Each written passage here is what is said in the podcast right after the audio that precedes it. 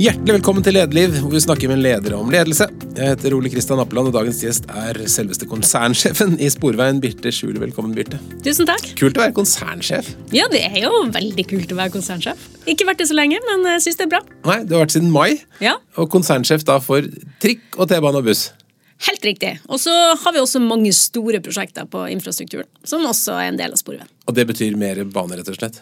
Det betyr mye bane. Vi oppgraderer jo vedlikehold og bygger ut også, så, så der har vi også et ansvar. Vi hører at du ikke er fra Oslo. Eh, Du, er fra Moran opprinnelig? Ja? Ja, det stemmer. Fortell om ditt første møte med trikken. Når så du trikk og T-bane første gang? Ah, ja, hva kan det ha vært, da? Eh, Godt spurt. Vi hadde jo buss i Mo da. eh, Og tog. Eh, Der går jo også toget. Men jeg må jo ha vært at jeg har vært på en Oslo-tur, antageligvis. Og så har jeg møtt trikken og T-banen. Men jeg husker det ikke sånn kjempegodt. Ikke noe som satte seg eh, veldig i minnet. Og så husker jeg når jeg flytta til Oslo, men da var det jo det røde T-banevognen som var. For da bodde jeg hos ei venninne av meg ute på Lambertseter i starten. eh, Og da jobba jeg på Billingstad. Så da kjørte jeg T-bane til byen, og så bytta jeg til tog eller buss og så ut i Billingstad. Og da skrangla jeg meg av gårde på den røde T-banevognen. Så det Og da satt du ikke der og tenkte ah, en dag skal jeg bli konsernsjef. Nei, det var langt unna. Nei, det var jeg ikke i nærheten av. Jeg har vel aldri tenkt at kollektivtrafikken var det jeg skulle ende opp i, da. Dere er jo en, en stor virksomhet. 3300 ansatte, 5 milliarder i omsetning, 217 millioner reisende i 2022 har jeg lest. Kanskje enda flere i år. Ehm, og du skal eh, passe på alt dette. Hva er det du vil i den jobben som du har hatt et halvt år? Nå har jeg jo vært i Sporveien i 14 år, Ja. så jeg kjenner jo selskapet godt. Og jeg hadde jo ikke tenkt å være der i 14 år når jeg kom inn. Eh, Så jeg eh, Men det er noe med Sporveien, og jeg tror først og fremst så har det noe med samfunnsoppdraget å gjøre. Altså Jeg blir skikkelig jeg blir skikkelig motivert av å jobbe med samfunnsoppdraget. Og det var et bevisst valg når jeg også valgte å gå til kollektivtrafikken i sin tid, at jeg ønska å jobbe med noe som betydde noe, og litt sånn under det her grønne skiftet. Jeg ønska å være med og, og skape en forskjell, da. Og det har vært førende for at jeg kom dit. Og så når du kommer til Sporveien, så det første du opplever, er at det er så utrolig mye fine folk der. Altså Det er en organisasjon og en stolthet av det vi leverer hver dag, og hvor viktig vi er for at Oslo og Stor-Oslo skal fungere. Og den er smittsom, og den er veldig morsom å være en del av, den stoltheten for, eh, for det samfunnsoppdraget vi har. Og så er det jo har jeg vært gjennom mye. Sporven Sporveien så veldig annerledes ut tilbake i 2009. Eh, Og jeg har vært med på en, eh, en stor reise de siste sju årene i trikken da, med fornyelsen av, eh, av trikken og trikkeprogrammet. Og så er det jo bestandig sånn som Jeg syns bestandig artig å se fremover. Nå er det litt andre ting som møter oss. Mm. Ja, økonomiske konjunkturer, det treffer oss. Eh, Teknologi, det treffer oss. Hva betyr det? Og ikke minst, hva betyr det for trikk og T-banen som eh, tradisjonelle produkter? Hvordan vil de se ut fremover? Og hva, hvordan skal vi jobbe med teknologiutvikling der? Vi kan ikke vente hvert 30. år når vi kjøper ny trikk eller T-bane. Vi må gjøre det på en annen måte. Eh, Så den vil treffe oss eh, veldig fremover. Og så er det jo det med hele tida å få tak i de her dyktige, flinke folkene som har lyst til å være med og, og skape fremtidas Sporveien, da. Som vi står midt Det må jo være noe bra der. Altså, du, du var da etter ehm, utdanning på NTNU, så har du vært eh, litt konsulent, og så var det litt olje så vidt, men så svingte du da inn, inn i, i Sporveien. Så er det, dette er sjette jobb som du har i Sporveien, etter hva jeg kan skjønne. Hva, hva, har har du gjort for å få nye jobber hele tiden? Uh, ja, hva har jeg gjort? Jeg, har, eh, jeg tror først og fremst så har jeg gjort en god jobb der jeg har vært. Jeg tror det er det viktigste. Eh, Det at du leverer hele tida der du er. Og, eh, og liksom har respekt for det. Og så har jeg vel vært nysgjerrig og tatt på meg ansvar, da. Veldig sjelden jeg sier nei til noen ting. Men det er jo også fordi jeg syns det meste er artig. Da. så jeg tror jo det at jeg eh, har vært tilgjengelig, tatt ansvar eh, og, og levert, som har gjort at jeg har gått videre. Og så tror jeg jo at jeg er ganske god på folk. altså Jeg er flink med folk. Eh, Jeg liker jo folk. Det er jo et godt utgangspunkt. da. Så det at jeg, jeg er glad i å være rundt mennesker, prate med mennesker, og jeg er jo veldig glad i å få med meg folk til å skape resultater. Mm. Og at det har vært litt av grunnen til at jeg har utvikla meg underveis. Men nå har du sittet i alle årene og sett opp mot en eller annen konsernsjef, og så kommer du, og så har du konsern kanskje fått hjørnekontor og greier, og så Det er åpent landskap. Åpent sånn. Eget venterom, jeg vet ikke. Ja. Men, men, men, men hva tenker du, hvordan skal du forandre Sporveien på de årene du er i den stillingen? Nei, jeg tror jo litt det jeg snakka om i stad. Vi har litt andre sånn store drivere som, eh, som, treffer oss nå. Og det er vel det vi må ta tak i. Eh, og så må vi posisjonere den, eh, den tradisjonelle kollektivtrafikken inn i fremtida. Det går på teknologiutvikling. Det går på jo det som nå vet jeg at uh, Irene har vært innom podkasten din òg, og vi bygger jo Fornebubanen, eller de bygger Fornebubanen som vi skal drifte. Mm. Uh, men det, det, er jo et sånn kjempegodt eksempel på at kollektivtrafikken er noe mer. Vi er mobilitet, vi skal frakte masse folk, og vi gjør kjempeviktig jobb der, men vi driver også byen. Og vi skaper hyggelige byrom, vi driver byutvikling, og det er en viktig dimensjon også til den tradisjonelle kollektivtrafikken. Se til Bergen, se hva Bybanen gjør, fortetninga som skjer rundt der. Folk var skeptiske, nå er de kjempe fornøyd med Bybanen og ønsker den Bare de finner ut hvor den skal, gå, hvor den skal, gå, så er mye gjort. ja. Men, men en av den, det er jo Kanskje de har vært flinkere til det nedover Europa. Det å se kollektivtrafikken som en del av byutviklinga, bruke den til å drive frem de hyggelige byrommene, mm. skape de hyggelige byplassene. Eh, det har jeg veldig sånn, hjerte for. Eh, men har du en sånn konkrete drømmer? Altså, er det en ny linje du gjerne skulle sett, eller ønsker du deg selvkjørende trikker så vi ikke skal være ansatt om bord, eller hvordan tenker du? Med flere av de tingene på trikken, som selvfølgelig selvfølgelig jeg kjenner veldig godt, så er vi med i et EU-prosjekt der vi ser på, eh, på selvkjørende trikker.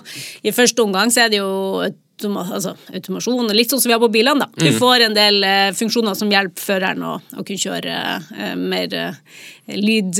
ikke lydløst, men mer hva heter det? sømløst ja. gjennom byen. Mm. på samme måte som på bil.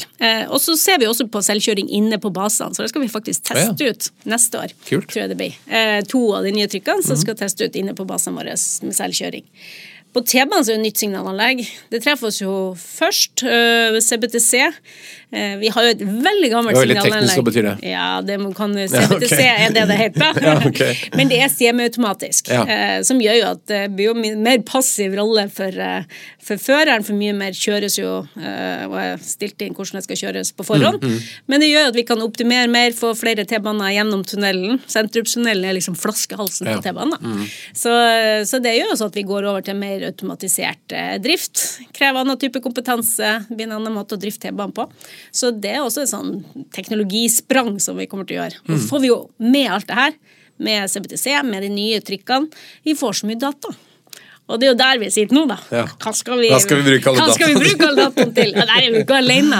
Men, men, det å evne å ta dem i bruk og, og, på en måte som gjør at vi kan jobbe smartere, det er jo egentlig det det er snakk om. Og da må mm. du gå litt strukturert til verks. Man har jo snakka lenge om tilstandsbasert vedlikehold, som egentlig går på at istedenfor å ta trikken inn etter så og så mange kilometer, så skal du kunne monitorere tilstand og ta den inn knytta til det, og da kan du effektivisere. Mm. Men for å kunne gjøre det, så må du stole på dataen, du må ha god styring og kontroll. Da. Og det er jo det vi må bygge fundamentet på, sånn at vi kan gå over til nye måter å jobbe på. Mm. Og det er konkurransekraft. Men noe av det vi snakker om nå, gå, gå inn på det som heter strategi. Og du har jo jobbet med strategi i Sporveien, og dere har, det har jeg. så, så du kan strategi.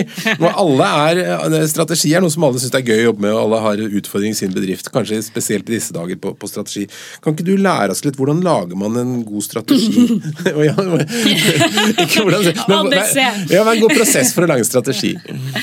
Eh, jeg har vært konsulent òg. Ja, og jobba som strategirådgiver, ja, så, så nå har jeg si mye å tenkt på. Nei, er, nei, og du kan gjøre det på forskjellige måter. Det tror jeg kanskje er det viktigste. At det ikke er én måte å lage en strategi på. Eh, for det kommer litt an på setting og hva du har behov for, mm. rett og slett. Om du skal ekspandere nye markeder, eller om det er mer på konservering og sikker konkurransekraft. Det kan være to forskjellige strategier. Uavhengig av det så må du ha et bilde av hva som skjer rundt deg. Eh, og eh, og så må du ha et godt bilde av interne livet, og hvor skoen trykker, og hvor man har noen fortrinn. Og så, så tror jeg sånn For prosessen sin del så er det jo den som er det viktigste det er jo diskusjonene underveis for å komme til den strategien eller veikartet som du ender opp med. Det er jo det som er det viktigste. Og i den diskusjonen kan de aller fleste delta. Mm. Eh, og da tror jeg det er en fordel at du gjør den ganske bred, eh, sånn at du får innspill og tanker eh, fra flere. For når du da kommer til skuddet og laga den strategien, så er det flere som har eierskap til den og forstår den og vet hvor du skal. For det enkleste er å slå i bordet med en strategi, men det hjelper jo ikke så mye hvis det er ingen som skjønner hva den egentlig betyr. Og, og så det sitter på hjemmekontoret og liksom lage den perfekte strategi, det er ikke en god løsning? Nei, jeg tror ikke det. Må, har du i hvert fall en ganske stor jobb etterpå med å selge den inn og forklare den. Og så er det aller vanskeligste det å omsette den til handling. Men, men, men før vi kommer til Ja. om, Ja, men det- det er så strategi, viktig, jo, men, jo, det, det, Og det må vi snakke om definitivt. Men, men, men ofte så blir jo Altså Strategi for sporveien det, er, altså, det blir jo gjerne å gjøre mer av det samme som man har gjort før. Det, eller, eller skal du ha sånn åpent rom, kanskje vi skal begynne å, å fly, liksom? Eller hvor, hvor vidt går man ut i et sånt bilde? Du kan velge litt ulike retninger. Eh, eh, altså Strategien til eh, Sporveien Nå har vi hatt sånne femårs selskapsstrategiperioder. da. Men så har vi jo også noen produktstrategier som har mye lengre ledetid enn det. Du kan ikke tenke fem år når du jobber med T-bane. Det er jo investeringer som, som du liksom holder på i sånn 20-30 års perspektiv på, og tilsvarende på trikken. Og så er det litt kortere ledetid på, på buss, men samtidig så, så er fem år for kort. Så jeg tror nok at det blir litt av det vi skal jobbe med nå fremover, det å få de her produktstrategiene enda mer om bord og inn i selskapsstrategien. For det er jo det som er kjernevirksomheten vår. Og det, det må ligge så førende i strategien, som at alle liksom er om bord i det, og det vi egentlig leverer her hver dag. Og så er det det jeg snakka om litt innledningsvis, økonomien vil slå mot oss òg det slår mot hele Norge. Vi har hatt et veldig godt tiår. Jeg tror vi må bare ta det inn over oss. Der vi kunne holdt på litt med alt. Eh, Sikkert noen som vil arrestere meg på det, men jeg tror at vi har hatt det, vi har hatt det kjempebra. Eh, Men det blir annerledes, så da må vi ta noe tøffere valg. Og vi snakker veldig mye om å prioritere, men vi må prioritere noe bort. Og det går jeg å snakke veldig mye om. Så bra. Men jeg holder deg litt til som en strategiekspert. Når man legger frem en strategi, da, hvilke, for styret sitt eller noe, hvilke punkter bør en strategi inneholde alltid? Du må jo ha en eksternanalyse, altså hvilken, eh, hvilken verden befinner vi, i, hva er det vi skal svare ut. Mm. Hva er det oppdragsgiver ønsker, hva er det kundene ønsker, altså hvor er det, hvor er det vi skal levere. Og så må du jo forstå hvor rusta du er til å gjøre det, da, mm. med å se på deg sjøl internt. Og så tror jeg det som er det vanskeligste en strategi, det er ikke å gjøre den eksterne analysen av den interne analysen. Det er ganske enkelt eh, i gåseøynene. Det er ingen som ser meg, så nå gjør jeg gåseøyne. Men det å, å liksom oversette den til hva betyr det her, da? Det er jo det som er den vanskelige strategijobben. Det å oversette analysen til ok, hva betyr det her? Og etter du har gjort det, hva skal jeg gjøre først, og hva skal jeg gjøre sist? Altså den prioriteringsøvelsen som kommer etterpå, og ikke minst hva vil det kreve å få det gjort? Og når du ser på hva du har av penger og folk og ressurser, Kanskje du må gå en runde til og se da kan jeg ikke få gjort alt det her heller. Jeg må dra det enda lenger ned. Og det tror jeg er litt eh, viktig. Mm. den øvelsen der. For det er veldig mange som har gode tanker, men det blir så stort at du greier ikke å komme i gang og får ikke levert. Og da kan vi snakke om leveransen. For da, når du da har strategien Da er jeg på leveransen. Hva gjør du da? Nei, da må du jo øh, Jeg tror hvordan du snakker om det er viktig. da. Du må gjøre det budskapet enkelt. Nå kommer jo jeg fra en organisasjon der vi er veldig mye forskjellige mennesker. 3500 forskjellige mennesker. Eh, og vi har eh, alle fagdisipliner, alle typer eh, ja, type fagfolk i Sporveien. Og det med å lage et enkelt budskap, det tror jeg er så viktig. Man må liksom skjønne hva det er man er med å levere inn i. Eh, når vi har jobba med de her BEST-programmene i Sporveien, så, så har de hatt litt ulike Det har vært i ulike strategiske kontekster, men, men det har hele tida vært viktig for oss å oversette til hva betyr det her egentlig. Jo, når vi skulle øke produksjonen, men hadde de samme vogn, hva betyr det for han fra verkstedet? Jo, jeg må faktisk ha så mange vogner ut hver dag for å kunne drifte her eh, ruteprogrammet. Og for å få til det, så må, så må du gå tilbake og han må skjønne hva er det jeg skal gjøre for å få det til. Men det er liksom å greie å oversette til helt ned til eh, eller helt ut til ytterste nivå. Hva betyr det for den enkelte? Det tror jeg er kjempeviktig. Og da må den være ganske enkel å kommunisere, og så må du greie å bryte ned. Men én ting er å skjønne hva det innebærer, en annen ting er å ha lyst til å gjennomføre det. Altså. Ja, det er motivasjonsjobben. og det krever jo kanskje ekstra mye fra ledere, tenker jeg. Eh, Det å gå foran en viss retning, skape motivasjon, og ikke minst eh, skape endringsviljen, da. Eh, Jeg har sånn jeg syns man snakker veldig mye om endringsledelse, og det kan jeg få litt Jeg har sånn både og til det ordet, for jeg, for jeg tenker at det er jo egentlig bare ledelse. Ja, all ledelse endring, ja, men det er jo egentlig bare ledelse. Men det, det går jo med på å liksom vise retning, forklare rasjonale behovet, og så skal du jo få med deg folk på den reisen, og at de får lyst. Og at du kanskje må, for noen må du kanskje ufarliggjøre det, andre er jo trigga, de bare begynner å springe. Så det er jo liksom å finne ut hva som hva du skal gjøre for å trigge den enkelte til å være med på den reisen. Da. Mm. Ja. Og det du, kan være litt forskjellig. Har du noen triks? Noen tips? Jeg tror i hvert fall å, å bruke litt tid på å forklare rasjonalene er viktig. Eh, og så eh, kanskje ikke fortelle hele løsninga, men invitere dem inn til å diskutere hva betyr det her for oss, og, og hva er løsninga for oss. Hvis vi skal bidra inn i det her, lag målene, men ikke lag løsninger for folk. For det tror jeg faktisk de der ute får til mye bedre. Og det tror jeg har lært mye av å begynne å jobbe når jeg fikk jobben på trikken. Eh, fordi er det noe jeg ikke kan, så er det å kjøre trikk. Ja. Eller vedlikeholde en trikk. Eh, altså, det er så mange disipliner der som jeg ikke kan. Eh, og det har jeg ufattelig respekt for. Og da kan ikke jeg gå og fortelle dem hva de skal gjøre. Men jeg kan fortelle dem hvor vi skal, hva vi må få til, og så må jeg invitere dem inn til å Ok, hva betyr det her, hva er det de må gjøre for å få det til? Og det tror jeg er viktig. Så ikke så dreper du livsgnisten. Men du nevnte eh, noe som het Best-programmet. for jeg ser Dere hadde noe som het Best 2015, og så Best 2020, og nå er Best 2025. Og da skal man da kutte kostnader og være mer og mer effektiv. Og nå har du forferdelig mye penger, en milliard i kostnadsforbedringer eller sånn. Kan man holde på sånn i all evighet? Altså, er liksom, hvor mye kan du skvise ut av en organisasjon? Det, kan man bare hvert, hvert nye år si at man skal ta en milliard til og en milliard til? Jeg tror det går på øh, å ha den det- den grunnplanken som ligger hos oss hele tida på at vi skal jobbe smartere. Vi skal jobbe litt smartere i morgen enn det vi gjorde i dag. Eh, Og det går helt til ytterste ledd. Hvordan kan vi gjøre det her på en litt bedre måte i morgen enn det vi gjør i dag? Og det er fundamentet i mye av det best-programmene. Så når vi sier vi har forbedra oss med 1 milliard, så går jo det på at hadde vi ikke gjort alt det arbeidet vi har gjort, så ville vi vært 1 milliard dyrere. Mm. Så, så det er liksom fundamentet. Vi gjør mer for mindre penger, eller vi ja, gjør mer for de samme pengene, men i veldig stor grad. Da. Eh, Og det, jeg tror, når du slutter å jobbe med kontinuerlig forbedring, da er du på villvare. fordi det er jo helt avhengig av. Og vi som, ikke minst, som er avhengig av offentlig tilskudd for å overleve, så, så har vi en forpliktelse til å levere mest mulig for de Så du tenker at de fleste en, som jobber i en stor bedrift, må egentlig være forberedt på at man skal bare forbedre og forbedre? forbedre? Ja, det tror jeg. Du må hele tida jobbe etter hvordan kan du jobbe litt smartere. Eh, Det tror jeg. Og det å få det helt ut til alle som jobber i en organisasjon, og få den drivkraften til å hele tida lete etter nye løsninger. Hvordan kan vi utvikle oss, om det er teknologi eller bare en måte å skru på annerledes, eller å skru sammen et serviceprogram annerledes, eller en plan for førere. Så liksom, hvordan kan vi jobbe litt smartere? Det tror jeg vi må, det tror jeg man er nødt til, skal man overleve som virksomhet. Men i gjennomføringen av sånne forbedringer, har du noen gang gjort noe feil som du har lært av? Ja, det har jeg nå helt sikkert eh, gjort. Men man, eh, man gjør jo det, og så korrigerer man underveis. Og jeg har vel lov, som alle andre, nå har jeg snakka mye om det med forankring og bred grunn og sånt. eh, Og det tok vel litt tid før jeg helt skjønte hva det egentlig innebar. Altså, når jeg kom inn i, i Sporveien, så var det jo kollektivtransportproduksjon som det da het. Ja, sexy navn, altså. Ja, veldig. Og da var vi jo 14 selskap, og, og jeg var liksom utålmodig og sa til min sjef ja, men skal vi ikke bare gå i gang, her må vi jo bare endre, her må vi jo bare ja, og da husker han seg, må du roe ned litt der. Men det, det går jo på at du må ha med deg folk. ikke sant? Du må brede grunnen. Eh, Folk må skjønne rasjonalet. Hvorfor skal vi endre? Hva er behovet vårt? Så det lærte jeg en del av. Og jeg så jo det at når han hadde brukt den tida, så var jo alle moden for å ta det neste steget.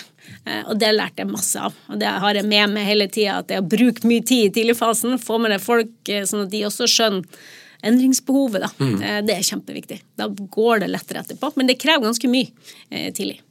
Og Hva betyr det i praksis, det å få med seg veldig mange tidlig? Er det da å reise rundt og holde presentasjoner og vise frem masse powerpoint, eller hvordan jobber du for å få engasjement? Ja, det er jo litt forskjellige og ulike roller man har, da. Eh, nå når jeg sitter som konsernsjef, så er det jo også mye å være eksternt eh, og snakke om hva behovet vårt er, og hvor vi skal, og, og forankre det. Eh, I trikken så, så har jeg selvfølgelig jeg jobba mye med, med ledergruppa i trikken for å få de med på, på reisen, og at vi er enige om hvor trikken skal.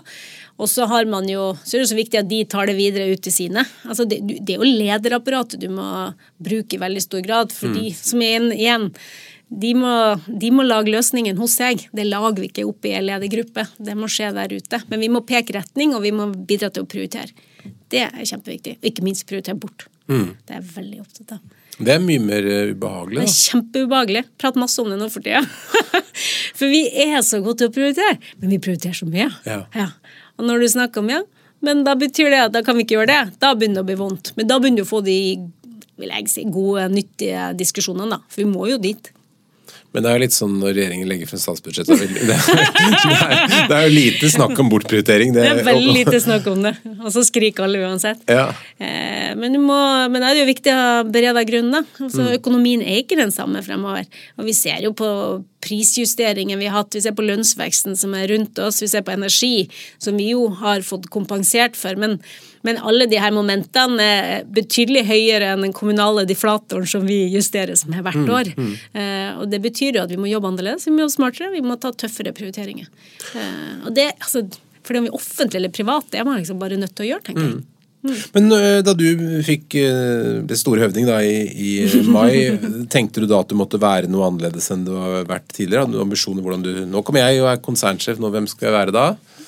Ja, nei, egentlig eh, kan, altså, Det er jo det som er annerledes, det er jo når du går fra å være en del av en ledergruppe til å bli leder for en ledergruppe. Altså, jeg har jo tenkt på det, og jeg har jo snakka med flere om det. Samtidig så er jo jeg meg, og de kjenner meg jo. Eh, Så det, det å prøve å begynne å være noen andre dag to, det har jeg ikke så veldig trua på. Men jeg tror det som er viktig for meg, har vært mer å være bevisst på at det jeg sier, veier tyngre nå enn det gjorde eh, for en liten stund tilbake. Eh, Og jeg har til og med sagt til noen at dere må fortsatt, eh, må fortsatt si det du mener. For jeg er livredd for at folk skal slutte å si hva de mener til meg, for da tror jeg vi går i feil retning, og da får vi ikke de gode diskusjonene og de gode løsningene. Så det har jeg faktisk sagt til noen kollegaer, at det må dere aldri slutte å gjøre. Ja, er det en fare at, man, at ingen har lyst til å si imot toppsjefen? Ja, det kan jo være det hvis man ikke legger til rette for den åpenheten. Da. Eh, Og det tror jeg ikke er en god vei å, å gå. Så, og jeg, jeg kjenner jo mine kollegaer veldig godt, da, fordi vi har sittet i ledergruppe mange år. Så derfor, hvis de skulle finne på noe sånt, så må jeg stramme dem opp, for det vet jeg at de egentlig ikke er. Så, men det tror jeg er viktig. Eh, og så er det jo, Men de kjenner vi jo godt, men jeg merker jo også det ute i organisasjonen, eh, at jeg må være litt mer bevisst eh, hvordan jeg snakker, hva jeg sier, eh, fordi jeg blir lytta til på en annen måte. Da. Hvordan vil du at de ansatte skal oppleve deg? Jeg vil jo at de skal oppleve meg som eh, jeg er virkelig en som brenner for Sporveien og, liksom samfunnsoppdraget, og at jeg har lyst til at Sporveien skal lykkes i lang, lang, lang tid. Og så, så vil jeg jo også at de skal oppleve meg som tydelig, og at at jeg er tilsnakkende, at jeg er omgjengelig. For jeg er jo det, og jeg liker jo at folk skal kunne prate med meg. Eh, Så jeg ønsker jo også at de skal oppleve at eh, jeg er til å stole på, at de kan prate med meg. Men du sier jo, du har jo ikke peiling på mange av de tingene Nei. som folk driver med. Men Synes du det er, eh, En del ledere sliter jo liksom med å ha en eh, hva skal vi si, naturlig dialog med, med gutta på gulvet, for å bruke det uttrykket. Ja, ja, ja. Syns- syns er du komfortabel med å gå på et verksted og liksom snakke fort med Jeg folk? elsker det! jo, men jeg gjør det. Jeg brukte å si at jeg hadde sånne traurige dager på trikken, så, så tok jeg en pause, så gikk jeg gjennom verkstedet, så gikk jeg inn på trafikkledelsen, og da var jeg i godt humør når jeg kom tilbake. Så jeg prata litt med folk, og så husker du på hva du egentlig gjør, og hva du egentlig vil drive på med hver dag. Eh, og så er jeg vokst opp på et lager, så det kanskje ligger i bunnen til meg akkurat det. Så jeg liker det miljøet. Jeg liker at den der rettfremheten, tydeligheten Jeg syns den lukta på et verksted er fantastisk. Så nei, jeg trives med det. På trikken brukte jeg å starte dagen på trafikksentralen bare for å skrave litt. Fikk jeg full oversikt over hele driften, visste alt når jeg gikk inn i dagen. Og det syns jeg er hyggelig. Nei, jeg syns det er veldig, veldig bra. Når er aller første gang du kan huske at du tok noe lederansvar? Eh, jeg tok vel et sånn litt større lederansvar. Det var eh, på Uka i Trondheim. For du var i styret der og drev med salg? Ja, og jeg tjente masse gode resultater, så jeg har lest Ja, nå. gode resultater. Jeg skal opp dit nå til helga, faktisk. Så gøy. Ja, så jeg har vært der hvert år siden. Så vi gamle ukestyret, vi er der oppe fortsatt og, og later som vi er unge. Og jeg har ikke studert der, men jeg har skjønt såpass som at uka er greia, og ukestyret det er en veldig viktig posisjon, og en, og en, og en veldig viktig utdannelsesinstitusjon, egentlig, som har vært i styret der. Ja, det er jo det, for du får jo mye ansvar veldig tidlig. Jeg tror jeg var ja, 22 når jeg ble med i ukestyret eller sånt. Mm. og jeg hadde jo den rollen i nesten to år. Og da var jeg jo salgssjef, så du, hadde jo ansvar for veldig mange mennesker til slutt. Alt egentlig som her skjer jo på Samfunnet, og så har vi noe konsertvirksomhet utenfor. Men alle de som, om de selger øl eller Mm. vakt eller hva som helst, de lå under mitt område da. Så det var mye folk. Men tok du det, var det bevisst at du tenker nå skal jeg lære meg ledelse, så nå skal jeg ta den oppgaven? Nei. Nei. Nei, jeg, jeg, jeg tror det er mer at jeg liksom syns det så veldig spennende ut. Å få lov til å være med og skape det her. Og, og samfunnet Jeg hadde jo vært med på Uka 99 i en litt sånn mindre rolle, og jeg ble veldig trigga av eh, at jeg syntes det var spennende å kunne være med å forme og lage og skape uka. Ja. Så jeg heiv meg på. Vi var jo da ukestyret til å starte med. Og så var vi jo ganske mange folk på slutten. Så eh, det å få være med fra starten og sitte og hva er det vi skal være, og hvor er det vi skal satse, til å til slutt sitte og drifte en så svær organisasjon, det var, det var en utviklingsreise og veldig mye læring. Hva var det viktigste du lærte? Jeg tror det lærte meste lærte jeg av eh, hvem jeg er og hvor mye jeg tåler. Eh, Og at eh, når man er leder, så må man ikke gjøre alt sjøl. Det lærte jeg mye om. Og det er viktig. Ja, ja det er viktig. Men også kanskje fordi du, du gjør en så stor reise på kort tid. da. Så i starten er du bare du. Så da gjør du alt sjøl. Til at du står der på slutten, og så er det veldig mange som skal jobbe uh, for, å, for å få gjennomført det du skal gjøre. Så det, det skjer jo alt det der i løpet av ett og et halvt år. Uh, Så det er en ganske sånn rask reise til at du må begynne å gi fra deg ting ganske fort. da. Eh, Og så er det jo var det en Kanskje det at folk Det der med å kanskje ta lederrollen og skjønne at folk lytter deg fordi du har en rolle, det brukte jeg også litt tid på. For jeg var jo vant til å være en som var på fest med alle, og så plutselig så, så skulle du være leder, og folk skulle høre på deg, og du måtte også gi noen tydelige tilbakemeldinger da, til folk som egentlig ikke får betalt for det de gjør engang, for alle er der på frivillig basis, så, så du må korrigere folk eh, som, eh, som egentlig er der av fri vilje og jobber på som bare rakkeren. Det, det var litt tøft. Og da fikk du føle litt på den lederen egentlig kanskje ikke er helt en del av gjengen? Ja. Ja. Du gjør det. For da kan de gå etterpå. Ja. på en annen hybel og drikke øl. Men eh, det var, det var kjempemorsomt. Og det at vi fortsatt reiser tilbake og møtes der annethvert år, det sier jo litt om at det former deg jo veldig de årene. Å få lov til å få så mye ansvar så tidlig. Det var morsomt. Hva hadde du mest igjen for? Var det studiene, eller var det den jobben der? Eh, jeg tror jeg har lært veldig mye av uka. Eh, det tror jeg, og at det forma meg på min videre karriere. Det tror jeg. Jeg begynte jo på siving, og ja, jeg hadde jo sånn, hadde realfag fra videregående og, og valgte sivilingeniør og Induc, for da slapp jeg å ta noe valg der òg. det er jo litt potetutdannelse, da. Ja, Det er ikke noe sånn, det, det blir du når du er ferdig med det studiet. Eh, Så jeg tror nok at uka og ukestyret gjorde at jeg eh, ja, Kanskje det la liksom fundamentet i at jeg gikk videre og tok med lederansvar eh, senere. Hva skulle du ønske du hadde visst da, som du vet nå? Nei, altså det er jo Jeg var 22, jeg skulle jo ønske at jeg var litt tryggere på meg sjøl. Stort mer på meg sjøl, da. Ja. Det tror jeg. Og kanskje det med at du ikke Du må ikke være populær hele tida. Ja, det, ikke, eh, det å være leder er ikke en popularitetskonkurranse nødvendigvis. Eh, Gode ledere er ikke populære bestandig. Du, nå har du, dere har en visjon, bærekraftig mobilitet for alle, og verdier, pålitelig, engasjert, samhandling osv. Hvordan bruker du de tingene i, i det daglige? Bære- Eller, eller bruker du ting i daglig? daglige? Ja, det gjør jeg. Mm. Jeg bruker faktisk veldig ofte Vi har et sånt målbilde i Sporveien, sånn, der vi har alt på én slide, Ja. en plansje. Eh, Og jeg bruker den ofte for å snakke om status i Sporveien. Eh, Og da legger jeg på den, og da kan jeg bruke lang tid til å bare prate om den. Men da kan jeg eh, snakke om status i Sporveien ut ifra målbildet vårt. Og når du begynner med bærekraftig mobilitet for alle, så, så det er jo bestandig sånn man jobber med sånne ord. da, ref, Vi snart snakker om strategi. Hadde jeg sittet hjemme og skrevet det ordet, kommet ut og forventa at alle skulle skjønne det, så så hadde det i hvert fall vært mange forskjellige tolkninger av det. Men, eh, men det ligger mye i det ordet. Det at vi skal være for alle. Uavhengig om du sitter i rullestol, om du har barnevogn, du er blind, svaksynt, eh, bor på øst eller vest, rik, fattig. Det er liksom fundament. Kollektivtrafikken skal være her for alle. Mm. Og det har vi jobba mye med, også gjennom nytt materiell. At vi, vi gjør det mer tilgjengelig. Både på buss og trikk har jo det skjedd mye der de siste årene. Eh, Så det er viktig for oss. Og så skal vi jo drive grønt. Vi skal drive miljøvennlig. Trikk-T-bane har jo drevet på elektrisitet eh, bestandig, så vi er litt heldige sånn sett. På bussen så er vi nå rett rundt hjørnet fra å elektrisk. Så da tilbyr vi kun grønn mobilitet. Gratulerer. Så det er jo Skal det feires? Ja, det syns jeg vi skal feire litt. Det Ja. syns jeg vi skal feire litt. grann. Og nå har vi jo gått over kanskje til å, til å snakke vel så mye om eh, energieffektivitet, da. Ikke sant? For det er, det er noe, si, noe godt har kommet med at det blir litt dyrt i Norge Mm. også med strøm. For når du snakker bærekraft, så går det jo også på forbruk, ikke minst. Mm. Og det at vi har et bevisst forhold til hvor mye strøm vi bruker, og hvordan vi hele tida kan være med å redusere strømforbruket, det har vi fått enda mer på agendaen de siste årene. Og det tror jeg er nyttig, altså under bærekraftsparaplyen, da. For det er jo det vi skal levere. Har du et enkelt uh, språkbilde på hvor mye strøm det koster å flytte en person fra AtB, eller? Nei, det har jeg ikke. Men, uh, men det er alt fra trikken, Bare de nye vognene eller de nye trikkene vil jo redusere strømforbruket. De er mer energieffektive. Eh, men det er fra basene våre. Vi gjør vi en del eh, vedlikehold oppgraderinger for å minimere energiforbruken. Fjerne gamle oljekjeler, fjerne varme.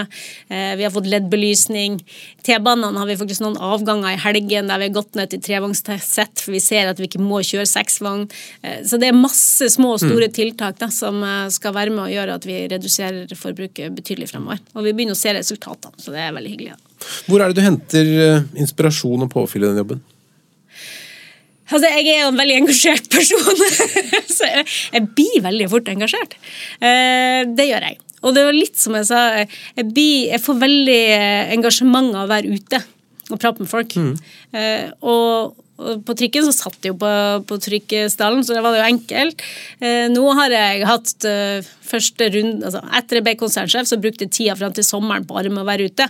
Jeg var med på eh, bussutkjøring på morgenen på Stubberud, jeg var på natta i lag med infrastruktur, jeg, jeg var innom T-banen og så på trafikksentralen. Altså, så jeg fikk liksom vært rundt, og det gir meg masse energi. Å prate med folk. Eh, og for da blir jeg veldig stolt, og det er så mye fine folk. Og jeg, blir kjempeengasjert over det vi, eh, vi holder på med. Hva var den største overraskelsen på den turen? Altså ru- runden. Hva, fant du i organisasjonen som ikke visste om? Nei, jeg altså, Nå har jeg vært i Sporveien i 14 år, så, så så store overraskelser var det ikke. Men det var kanskje spesielt artig å være ute på bussen. Eh, På Indre Byanbudet, som er vel et av Oslos og da Norges største anbud, overtok jo Unibuss i, i våres. Og da gå fra én dag til neste eh, og med 108 nye busser, helelektriske altså Det er et teknologisprang som er ganske stort. Eh, og å se alle de folka som var i aksjon for å få det her busstilbudet ut om morgenen, det syns jeg, var, eh, det synes jeg var veldig lærerikt. For det har vært ordentlig krevende, men nå går det bare bedre og bedre. Og, eh, men det er mye nytt som skal skje på kort tid. Så det lærte jeg mye av. eh, gjorde jeg. Men er det andre bedrifter, organisasjoner og etater som du ser til, som du har som forbilder? Vi jobber jo veldig tett sammen med Ruter. De er jo vår nærmeste samarbeidspartner. Altså sånn, er der vi får eh, mye av pengene våre fra også. Eh, vi er jo søsterselskap, så vi jobber veldig tett sammen, og det tror jeg er viktig. De eh, har jo kundegrensesnittet ut, og det er jo til syvende og sist de samme passasjerene vi skal levere til. Så det, det er viktig, og de er også veldig godt foran med teknologiskifte. og Når jeg snakker buss, er det jo de som har gått foran og, og fått til det. Eh, Så det syns jeg er veldig morsomt å, å jobbe tett sammen med.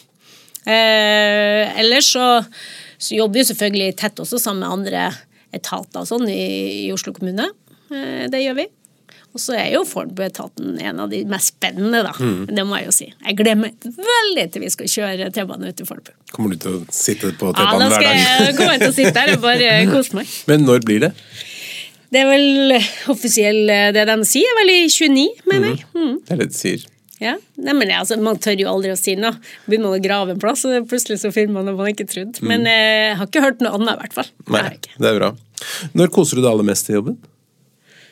Jeg tror når eh, jeg er ute blant folk, så koser jeg meg veldig mye.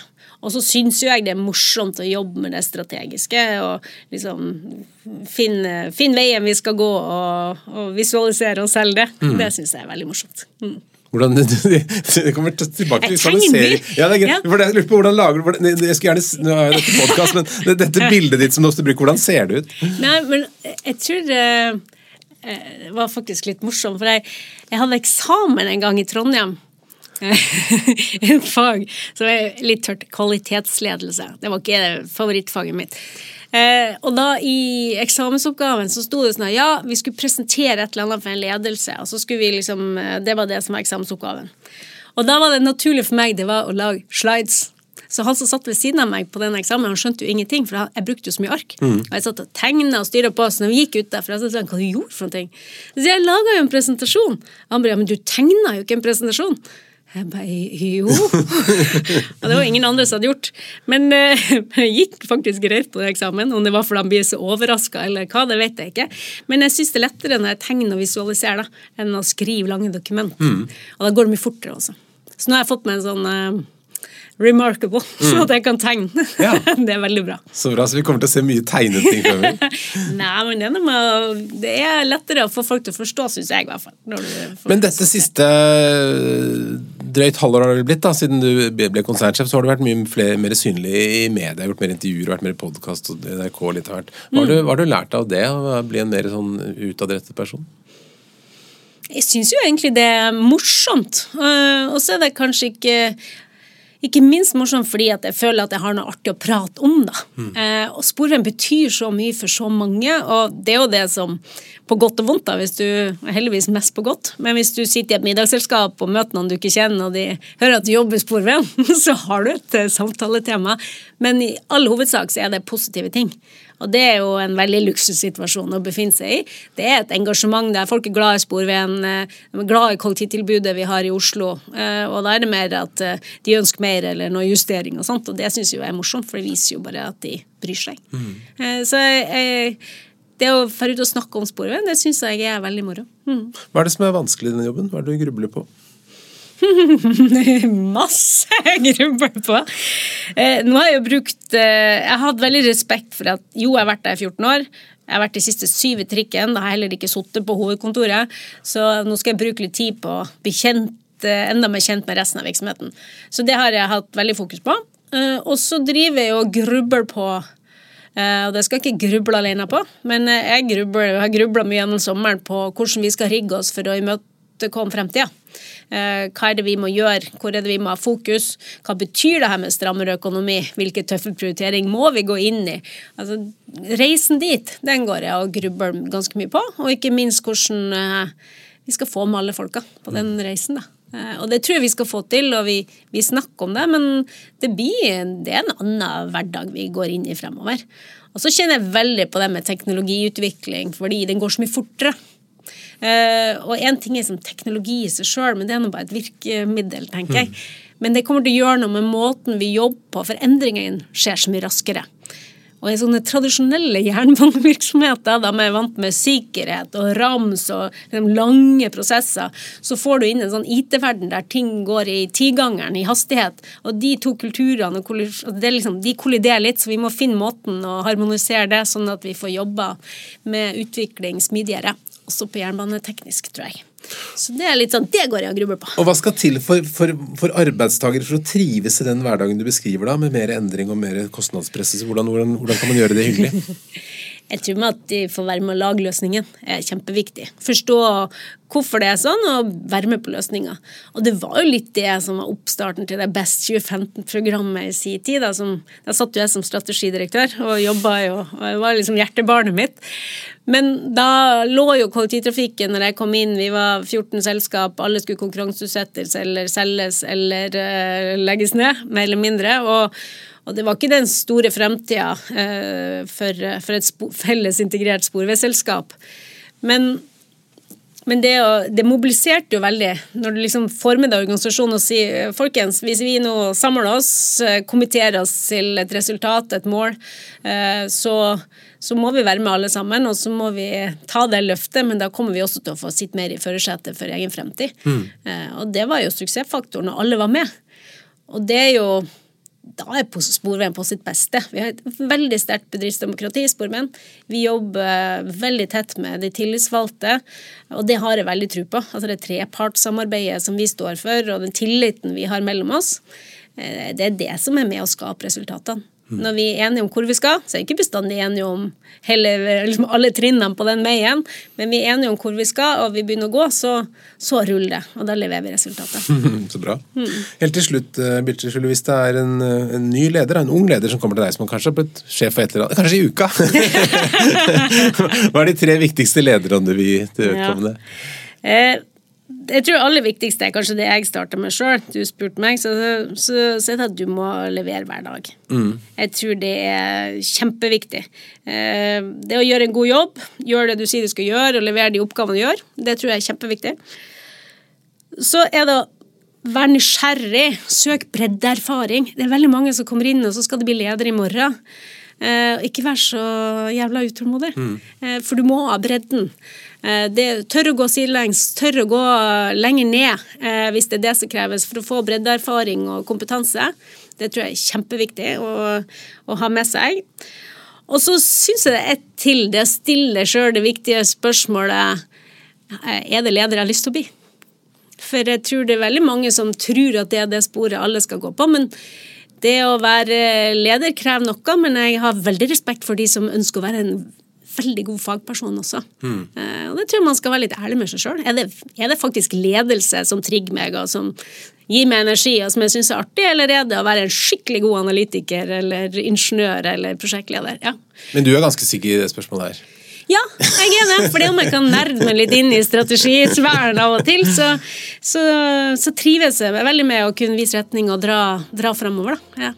Så jeg har nok eh, Bevisst eller ubevisst, det er i hvert fall der jeg er nå.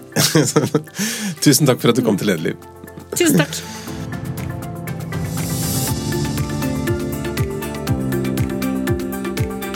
Lederliv er en podkast fra Apeland. Redaksjonen består av Ingrid Hogneland, Johanna Eidsvoll, Lars Jarle Melum og meg som heter Ole Kristian Apeland. Og du er hjertelig velkommen til å sende ros, ris, tips om ledere eller hva du måtte ønske til ole.apeland.no. Takk for at du lytter.